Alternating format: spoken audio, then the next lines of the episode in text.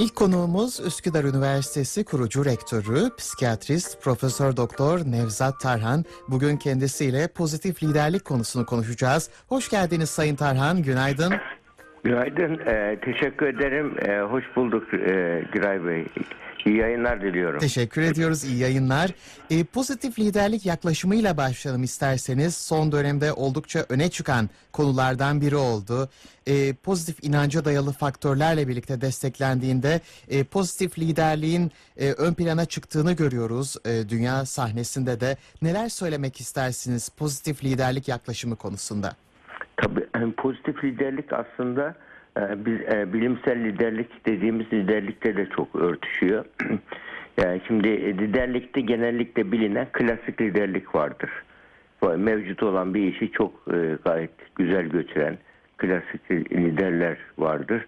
Yani ama kutunun dışında düşünemez bu tarz liderler.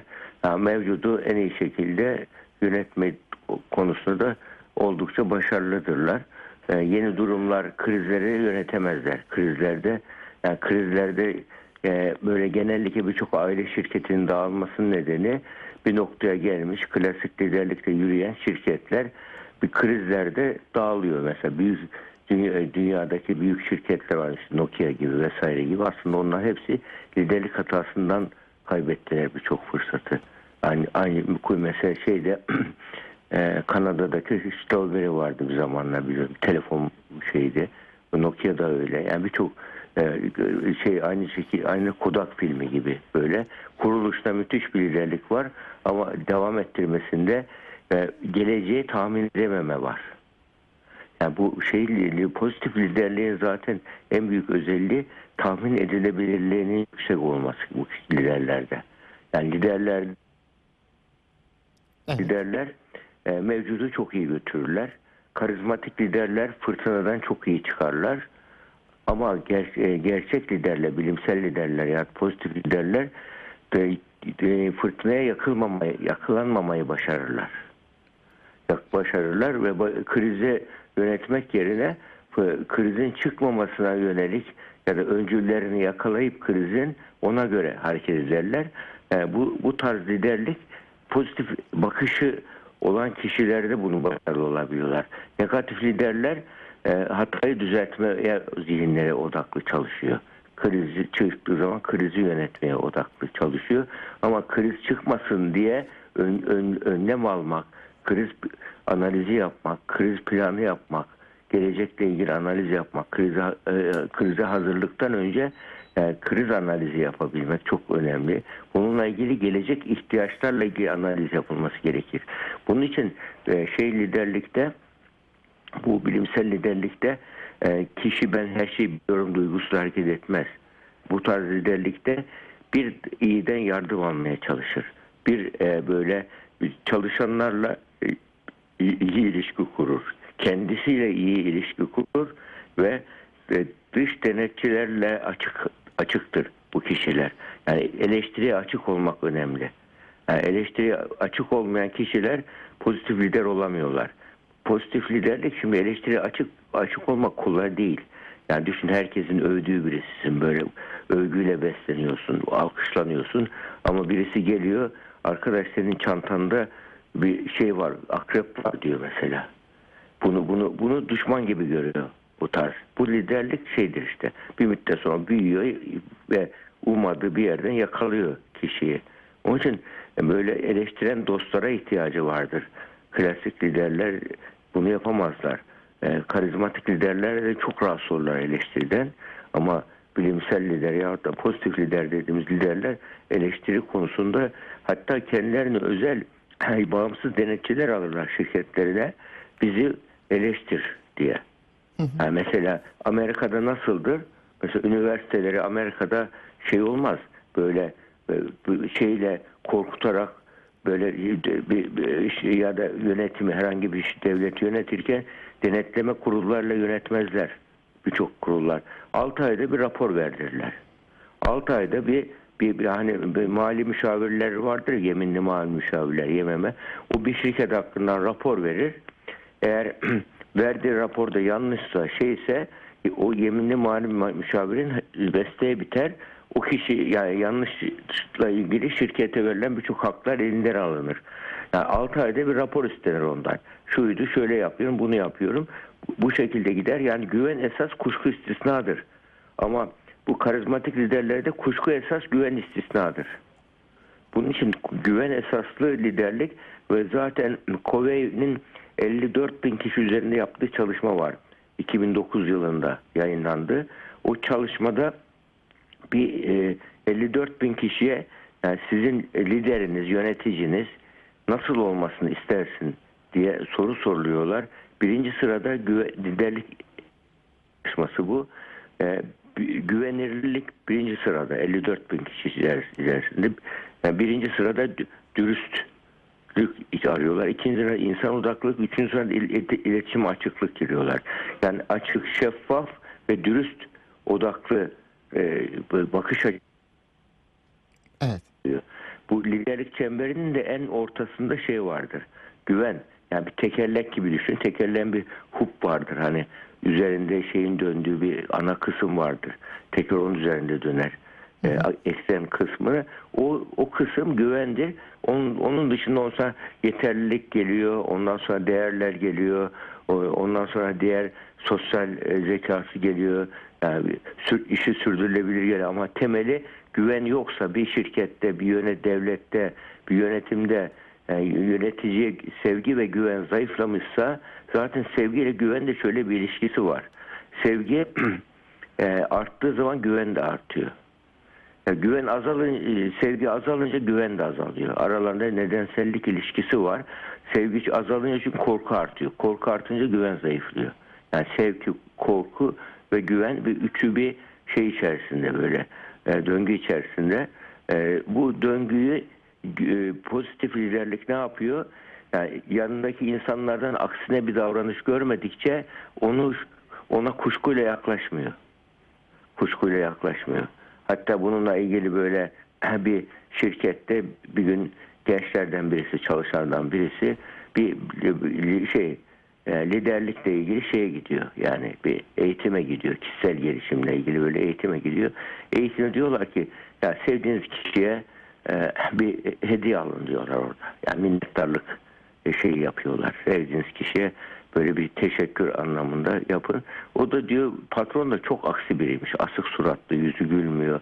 Fakat çalışkan birisi e, a- aynı zamanda e, o dediğimiz şey e, denek olan öğrenci yahut da işte gözlemle tespit edilen e, kişi diyor ben bir hediye alayım diyor. Kimi alayım diyor. Şirkette bir, bir patron aksi birisi ama aslında iyi bir insan diyor. Ona bir alayım diyor. Pat- Patrona kravat alıyor. Kravat alınca patron hemen senin ne menfaatin var? Niye aldın bunu bana diyor. Ters diyor çocuk. Çocuk şaşırıyor. Onun üzerine diyor ki e, diyor ya diyor ben e, sayın işte müdürüm diyor ben e, böyle böyle bir kursa gittim. Sevdiğiniz, değer verdiğiniz bir insana hediye alın dediler. Ben de onun için aldım diyor. Başka beklentim yok diyor. Adam şaşırıyor, bozuluyor tabii. Fakat bu de hoşuna gidiyor adamın. Ya bu güzel bir şeymiş diyor. Ben de sevdiğim birisine yapayım diyor. Oğlunu almaya karar veriyor. Bir hediye alıyor oğluna. Sonra oğluna götürüyor hediyeyi. Oğlu başlıyor hüngür hüngür ağlamaya. Niye ağlıyorsun oğlum diyor. Ya baba diyor beni kimse sevmiyor diye bu akşam cebinden ip çıkarıyor intihar edecektim diyor. Yani burada bak yani orada bir şey, bir, bu işte bu pozitif liderlikte bunlar vardır. Takdir, övgü, onay es- esaslı bir liderlik vardır. Kusurları düzeltme odaklı değil de pozitif yönlerini güçlendirme odaklı. Yani bir insan iki hareket yapıyor. Biri yanlış, biri doğru.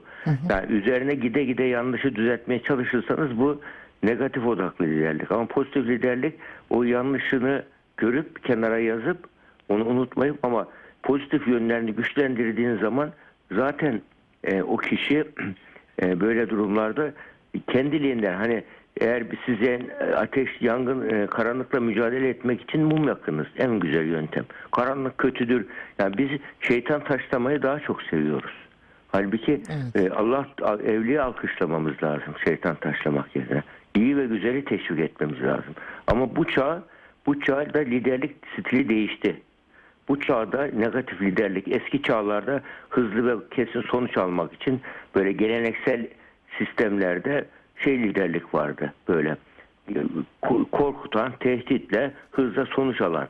Ama o lider e, gücü kaybettiği zaman da sokakta dolaşamaz hale geliyor. Böyle liderliklerde. Ya bunun örnekleri var işte. Napolyon var, e, Stalin var, Hitler var. Bu tarz lider- liderler korkuyla yönetiyorlar. Doğru. Ama güvenle yönetebilmek tabii pozitif liderlik zor iş biraz. Yani sabırlı olmak gerekiyor. Yani böyle yetenek avcısı olmak gerekiyor. Yani kişilerin iyi özelliklerini bulup yakalayıp ortaya çıkarmak gerekiyor. Yani biraz zahmetli bir iş ama bu çağın insanı pozitif düşünen insan, iletişime açık olmayı isteyen insan. Yani böyle durumlarda hatta gençler de öyle şu anda. Gençlerin en önemli şu anda yani gençler annelerini babalarını böyle azarlayıp bağırım çağrını olduğu zaman gençler bakıyorum ters role giriyorlar.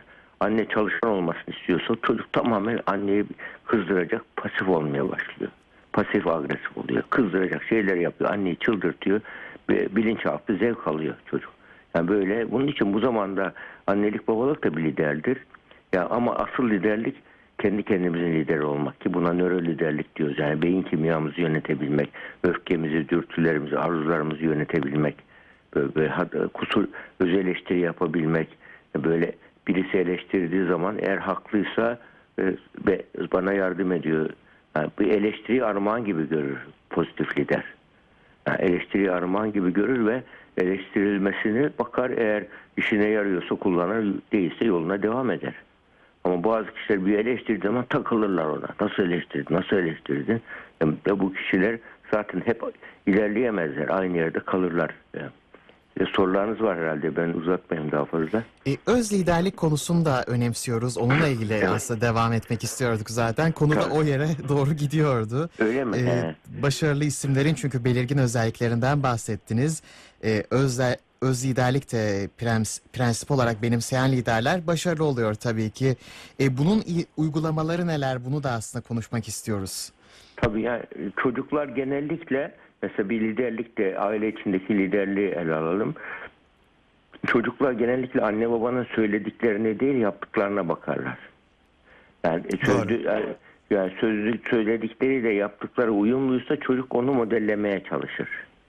Ama söylediği başka, yaptığı başka ise çocuk böyle durumlarda yani onun o, o anda işine gelen hangisiyse onu modellemeye çalışır burada.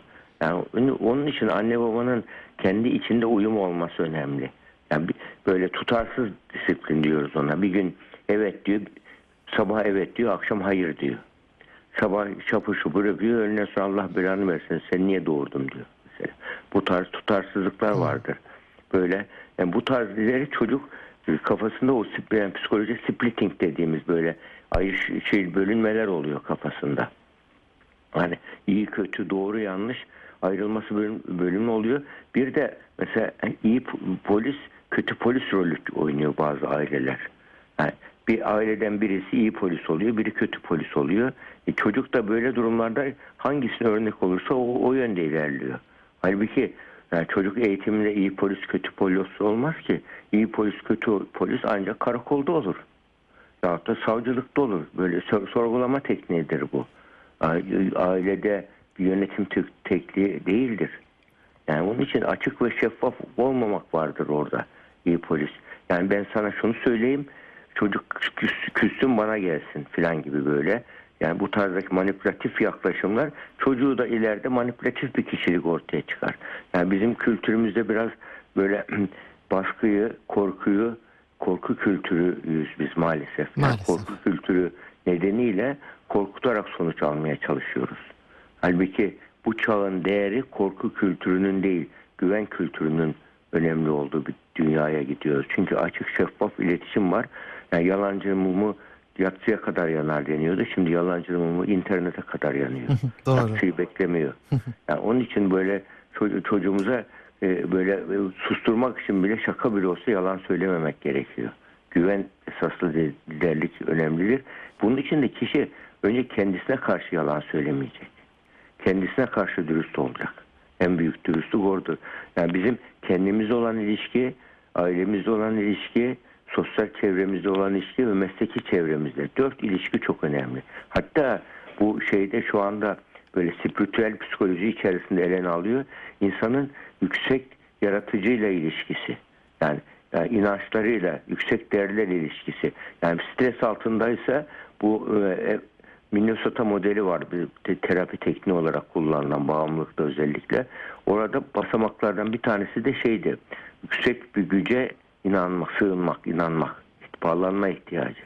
Yani insanda çünkü liderliğin en önemli özelliklerinden biri insanların bağlanma duygusunu yönetiyor. Kendine bağlıyor. Ya, ya kendine bağlayacak insanları ya bir değere bağlayacağız. Yani be- ben merkezci liderler kendisine bağlarlar. Davalarına bağlamazlar insanları. Halbuki şey liderlikte nedir? Bilimsel liderlikte şahsa bağlanmak değil davaya bağlanmak, ideallere bağlanmak esastır. İdeallere bağlanmak. Yani kendi kendinin lideri olan bir kimse de mesela bir geminin kaptanı lider. Gemi gidiyor. Gemide bir e, ya geminin kaptanın çıkarı ya da geminin çıkarı gibi bir durum ortaya çıkıyor diyelim. Böyle durumlarda geminin çıkarı için kaptan vazifesini ikinci kaptana verebilir mesela terk eder. İşte bu böyle durumlarda geminin çıkarını kendi çıkarından önce tutuyor demektir. Bu burada. Ama kaptan ben kendini vazgeçilmez gibi görüyorsa ki mezarlıklar kendini vazgeçilmez görenlerle doludur. Görüyorsa eğer e, e, o gemiyi batırıncaya kadar götürür. Ve kendisi birlikte işte Hitler öyle yapmıştır. Yani Hitler'e demişler sen bak çok insan ölmeye başladı. Berlin'de ölüyor artık. Ne yapacağız demişler. Bana oy vermeseydi ölürse ölsünler demiş. Yani bö- böyle bir işte bak bu tarz liderlik ya ben ya benim başarım milletin başarısıdır diyor. Kendi şahsına odaklandırmış. Bu otokratik liderliktir bu. Demokratiklik yoktur bunun. Eğer ne kadar demokratiği sözü söylem olarak söylese bile bu liderler bakıyorsun davranışsal olarak demokrat olması gerekiyor. Onun için aslında liderlikte pozitif liderlikte demokratik liderlik ön, öndür. Ailede de öyledir bak. Ailede otokrat aileleri var, demokrat aileler var. Bir de her şeye izin veren liberal aileler var. Burada. Yani otokrat aile korku sindirmeyle baba eve gelince herkes susar kaçacak yer arar. Geçici bir sa- sakinlik vardır ama çocuk ilk fırsatta büyüyeyim de evden kaçayım diye düşünür. Ve ilk fırsatta hemen ki ilk fırsatta e, ev, kendine ev açar yahut da bazı çocuklara pasif agresif tepki giriyor. Babaya kaç peki baba diyor fakat bildiğini okuyor mesela. Peki anne diyor bildiğini okuyor. Böyle bizim kültürümüzde böyle sinsilik maalesef çok e, sanki itaat zannediliyor. Sinsilik. Yani sadık oyuncular yerleşiyor etrafında insanın. Menfaatçiler doluyorlar böyle durumlarda. Bu bu tarz liderlik yani korkunun e, e, ön planda olduğu, güvenin ikinci planda olduğu liderlik tarzı. Bu tarz liderler geçici başarılar elde ederler ama orta ve uzun vadede başarısız olarak anılan liderlerdir. Yani yaptıkları işler sevilir ama kişilikleri sevilmez bu tarzdaki e, liderlikte olanların. Yani diğer e, bir e, özellikte liderlikte liderlikte bu 21. yüzyıl becerileri var. Liderlik kavramını da değiştirdi 21. yüzyıl becerileri. İşte bunlardan birisi takım çalışmasına yatkın olması liderin. Takım çalışmasına bu bu zaman bireysel dehanın çağı değil, takımsal dehanın çağı. Yani onun için takım çalışması takımı harekete geçirebilir. Yani geminin e, devamı için kendisi geri çıkar. Çalışanların ben yaptım demesine fırsat verir. Yani bir futbol futbolcudaki futboldaki liderlik şeydir bak karizmatik liderlik gibidir. Top top hep bende olsun. Hep orta sahada olayım. Hep ben gol atayım. Bu tarz bir liderlik. Ama futbolda bile şu anda kolektif e, oyunculuk esas. Yani takım liderliği esas. Yani burada fair modelleri e, veriliyor e, şey e, ödülleri veriliyor biliyorsun. E, burada o, o ödüllerde kendisi empati yapıp da bu takımın çıkarı için kendi çık- çıkarını feda eden kişilere verilir bu tarzda. Yani buna değer, insani değerlerdir. Zayıfladı. Empati erozyonundan bahsediliyor onun için şu anda. E burada takım liderliğinde şey vardır. Yani en önemlisi bir özellik bu çağın ortaya çıkardığı liderlikteki değişime sebep olan bağlantısallıktır. Konnektivizmdir. Yani şu anda her şey her şey birbiriyle bağlantılıdır. İlişkiseldir her şey. İnsan da ilişkisel bir varlık. tek başına yaşamaya göre insanoğlu şey olmamış. Yani zihinsel olarak şifrelenmemiş, kodlanmamış. Yani insan tek başına mutlu olmayı başaramaz. Ama seçilmiş yalnızlıklar vardır o başka. Yani belli bir şeyden sonra belli bir seviyeye geldikten sonra kişi bunu seçebilir. Ee, ama bu da bir şeydir. Ee, e, özel bir durumdur. Ama ilk baştan çocuk ya bir çocuğu ormana bırak özgür olsun, yalnız olsun, kendisini geliştirsin dediğin zaman e, ormanda bulunmuş çocuklar var böyle 2. Dünya Savaşı'nda kaybolup bulunmuş sonra da yahut da tes- tesadüfi mesela Oksana Malaya vakası var şeyde Ukrayna'da. Anne baba alkolik orman kenarında bir evleri var Ukrayna'da. Ee, evde çocuk kayboluyor. Ee, anne baba da ilgilenmiyor. Çocuk meğer köpeklerin arasına gitmiş bahçedeki köpek. Onların arasında büyümüş. 10 yaşında bulunuyor çocuk. Hiç komşuluk da yok demek ki. 10 yaşında bulunuyor. 3 yaşında kayboluyor çocuk. 10 yaşında bulunuyor. Köpeklerin arasında aynı köpek gibi havlıyor, köpek gibi yiyor, köpek gibi koşturuyor, hopluyor, zıplıyor. 4 adım ayak üzerinde yürüyor. İnternette vardır kayıtları. Ee, orada Oksana Malaya vakası. Yani orada neyi görüyoruz biz? yani demek ki sosyallik, sosyal bir ortamda olamazsa çocuk e, insani özelliklerini bile öğrenemiyor. Yani biz aslında hayatta her şeyimizi e, sonradan öğreniyoruz, toplumdan öğreniyoruz. Ya vahşi çocuk olguları yani hani insan doğuştan tubula rasa mıdır deniyordu. Yani boş levha mıdır denen bir tez vardı. Aslında insan doğuştan boş levha değil ama insan olmaya ya- e, eğilimli olarak doğuyor. Meyilli, meyilli olarak doğ- doğ- doğuyor. Yani insan e, bunu ort- ortama girip de bunları öğreniyor. Yani hatta hayvan çocuğu e, öğrenmiş olarak doğuyor. İnsan yani beslenmeyi, yaşamayı, avlanmayı her şeyi öğrenmiş olarak doğuyor. Ama insan çocuğu öğrenmek üzere doğuyor. Yani 15 yaşına kadar temel şeyin öğreniyor. Hatta 0-3 yaş arasında yüzde 50'nin üzerindeki bilgi 0-3 yaş arası öğreniyor. Onun için 0-3 yaş arası e, an- e, çocuk gelişimi şu anda bütün dünyada çok e, şey annelik çok ön plana çıktı burada. Annelik önemli burada. Biz hatta bununla çalışan bir İngilizce doktora verdik. Üsküdar Üniversitesi olarak 0-3 yaş annelikle ilgili biz e, bu, bu 0-3 yaş anneliği sadece yemek, içmek, üremek, aşı vesaire zanneden anlayış değişiyor şimdi. Orada çocuğun bir duygusal beceriler, sosyal becerileri böyle insani Evet.